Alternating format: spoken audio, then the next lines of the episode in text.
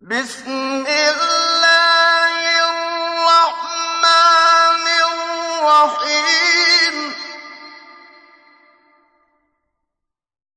لِإِيلَافِ قُرَيْشٍ إِيلَافِهِمْ رِحْلَةَ الشِّتَاءِ.